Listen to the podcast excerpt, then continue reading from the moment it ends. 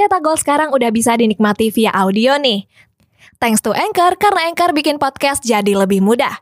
Aplikasi Anchor ini gratis, bisa di-download dari App Store dan Play Store atau bisa juga diakses dari website www.anchor.fm. Kita juga bisa langsung share dan publish hasil rekaman kita ke Apple Podcast, Spotify, Stitcher, dan lain-lain dari Anchor ini loh. Gampang kan? Pakai Anchor buat podcast jadi lebih mudah. Hai guys, bertemu lagi dengan aku Rizka Dila. Jadi hari ini ada berita menarik tentang Alvaro Morata yang berhasil membawa Spanyol menang dan mencetak gol pembungkam mulut netizen. Terus ada juga berita dari Granit Saka yang meminum Coca-Cola sebelum adu penalti. Seru-seru kan beritanya? Makanya nontonin sampai habis di cetak gol harian berikut ini. Berita pertama, Manchester City akan mendatangkan Antoine Griezmann jikalau gagal mendapatkan Harry Kane. Nah, kalau di Liverpool, bakal kedatangan Loris Karius yang masa peminjamannya sudah habis. Terus di Manchester United untuk Jules Kounde katanya ditolak oleh Sevilla karena terlalu murah. Simak selengkapnya berikut ini. Klub Sultan Premier League Manchester City dikabarkan akan memboyong penyerang Barcelona yakni Antoine Griezmann. Griezmann diboyong apabila mereka gagal mendapatkan Harry Kane. Harry Kane sendiri dikabarkan akan meninggalkan Tottenham Hotspur pada musim depan. Beberapa klub jempolan Eropa sudah mengantri untuk memboyong bomber asal Inggris tersebut.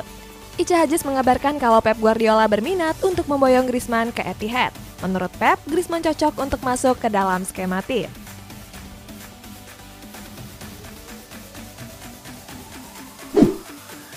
Loris Karius mengaku hengkang ke Union Berlin adalah sebuah kesalahan. Karius sendiri bersiap untuk memutuskan masa depannya di Liverpool. Seperti diketahui, Karius adalah kiper Liverpool yang saat ini dipinjamkan ke Union Berlin. Masa peminjaman Karius sendiri akan berakhir di bulan Juni ini.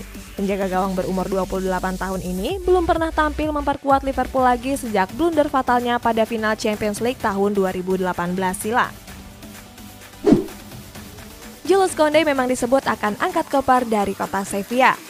Kabarnya Manchester United jadi klub terdepan yang berminat untuk memboyong Kounde di jendela transfer nanti. Kabar terbaru menyebut kalau Manchester United sudah mengajukan tawaran sebesar 45 juta euro. Nantinya Kounde akan diduetkan dengan Harry Maguire di jantung pertahanan skuad Setan Merah. Tetapi sayang Direktur Olahraga Sevilla menolak tawaran tersebut. Alasannya tawaran Manchester United dinilai terlalu murah. Berpindah ke Spanyol, Barcelona berminat untuk mendatangkan back Chelsea yakni Marcos Alonso. Kalau Atletico Madrid justru pengen banget merekrut Sergi Roberto. Sedangkan di Real Madrid katanya bakal menyambut kedatangan Gareth Bale dengan hangat. Dilansir dari Mundo Deportivo, Barcelona disebut ingin memboyong Marcos Alonso ke Camp Nou. Sang pelatih Ronald Koeman terkesan dengan performa back Chelsea tersebut. Koeman bahkan sudah memantau Alonso sejak dia masih melatih di Everton. Selain itu, peluang Barcelona untuk mendapatkan Alonso juga cukup besar. Alasannya karena back berusia 30 tahun ini cuma menjadi pelapis di skuad The Blues. Alonso kalah saing dengan Ben Chilwell yang baru didatangkan pada tahun lalu. Juara bertahan La Liga Atletico Madrid berminat untuk merekrut back Barcelona Sergi Roberto. Gak cuma Roberto, Los Blancos kabarnya juga berminat memboyong pemain Barcelona lainnya. Bersumber dari media Spanyol El Gol Digital, Los Blancos berminat untuk mendatangkan dua pemain Barcelona. Dua pemain itu adalah Junior Firpo dan Lord Martin Brightway. Akan tetapi Atletico Madrid harus menggelontorkan dana yang gak sedikit. Untuk mendatangkan jasa Sergi Roberto saja, mereka harus membayar 25 juta euro.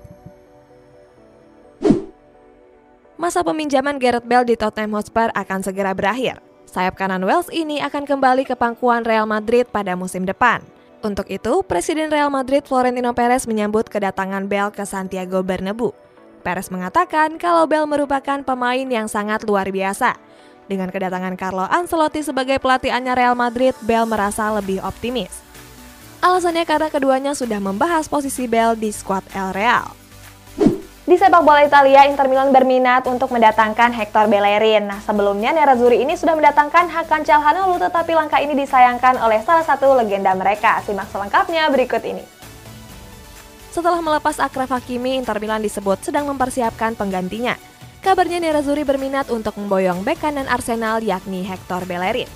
Nantinya Bellerin akan menggantikan Akraf Hakimi yang hengkang ke PSG. Kabarnya, Nerazzurri juga sudah melakukan kontak dengan sang agen.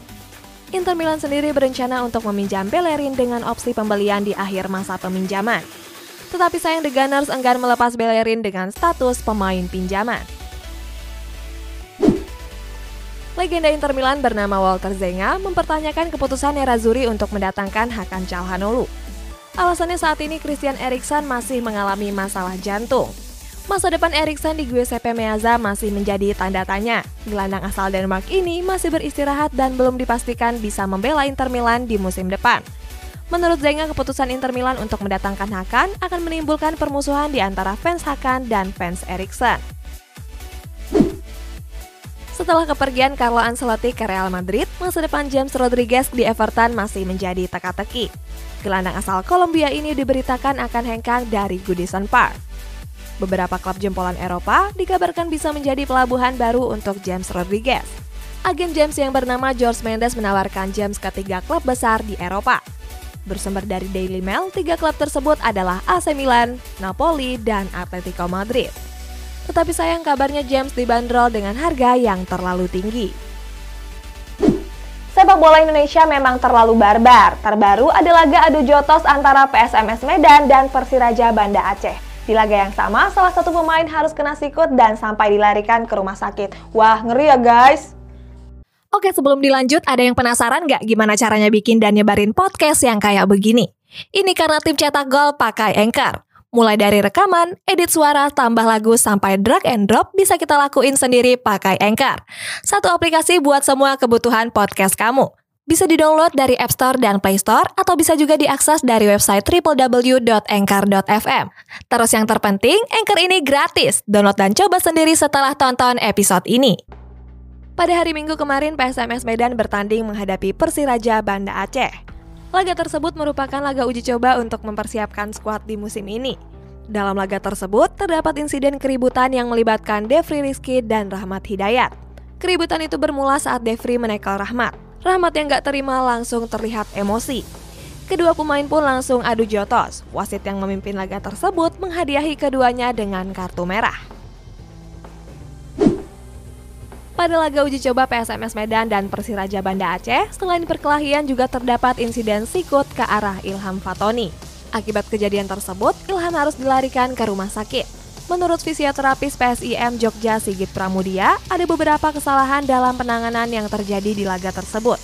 Beruntung kondisi Ilham sudah mulai membaik.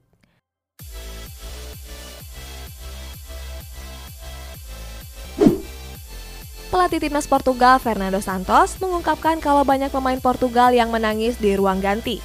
Momen tersebut terjadi setelah pertandingan melawan Belgia berakhir. Dalam wawancaranya, Santos mengatakan kalau pemain kecewa dengan hasil laga. Santos juga mengapresiasi para pemainnya karena sudah melakukan yang terbaik. Portugal sendiri sebenarnya berkesempatan untuk menang, akan tetapi mereka gagal memanfaatkan berbagai peluang, termasuk 29 tembakan yang tercipta dalam laga tersebut. Spanyol berhasil lolos ke babak perempat final setelah menyudahi perjuangan Kroasia dengan skor 5-3. Pada laga ini, Sergio Busquets berhasil menjadi man of the match. Selamat! Di laga babak 16 besar, Spanyol berhasil menang atas Kroasia dengan skor 5-3. Bertanding di Stadion Parken, Luka Modric dan kolega harus pulang lebih cepat setelah mengakui keunggulan La Furia Roja. Skuad La Furia Roja menguasai jalannya pertandingan di mana mereka menguasai penguasaan bola, akurasi umpan, jumlah operan sampai jumlah tembakan. Kroasia unggul terlebih dahulu pada menit 20 melalui gol bunuh diri Pedri. 18 menit berikutnya, Spanyol mampu membalas melalui gol Pablo Sabria. Berikutnya pada menit ke-57, Spanyol berbalik unggul melalui gol dari Cesar Aspilicueta. Selanjutnya, Ferran Torres sukses menambah keunggulan skuad La Furia Roja pada menit ke-76. Pantang menyerah, Kroasia memperkecil kedudukan pada menit 85 melalui gol dari Mislav Orsic. Sementara Mateo Pasalic sukses menyamakan kedudukan pada menit 92. Skor imbang memaksa kedua tim melanjutkannya ke babak extra time. Pada babak extra time, Spanyol sukses menambah dua gol tambahan melalui Alvaro Morata dan Mikel Oyarzabal.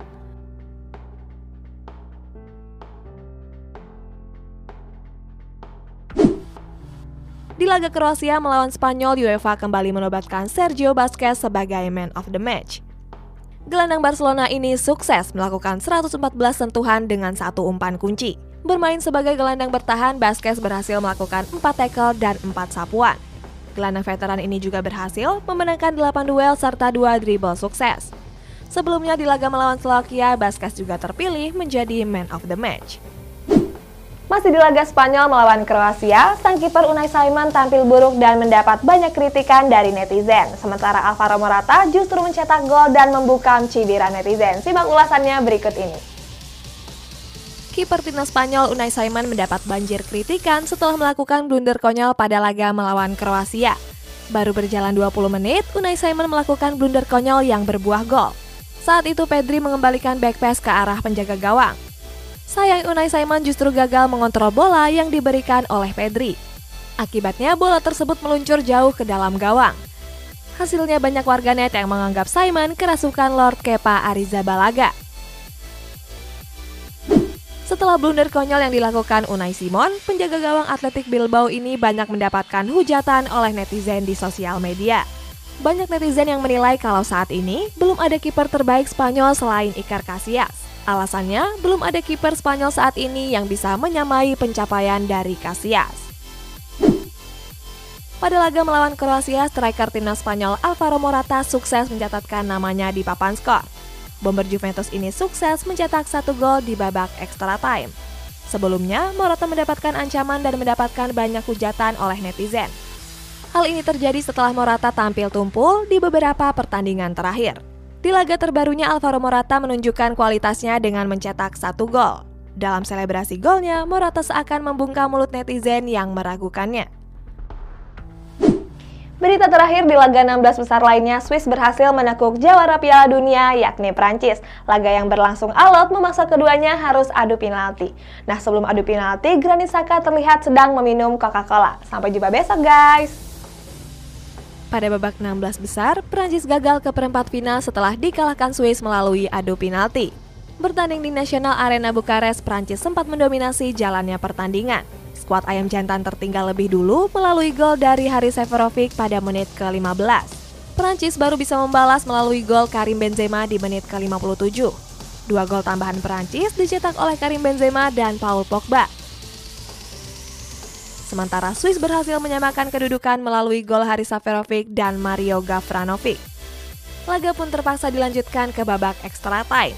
Di babak tersebut, kedua tim gagal mencetak gol dan harus melanjutkannya ke adu penalti. Pada sesi penalti, Kylian Mbappe gagal menjadi eksekutor dan membuat spot Le Bleu harus tersingkir.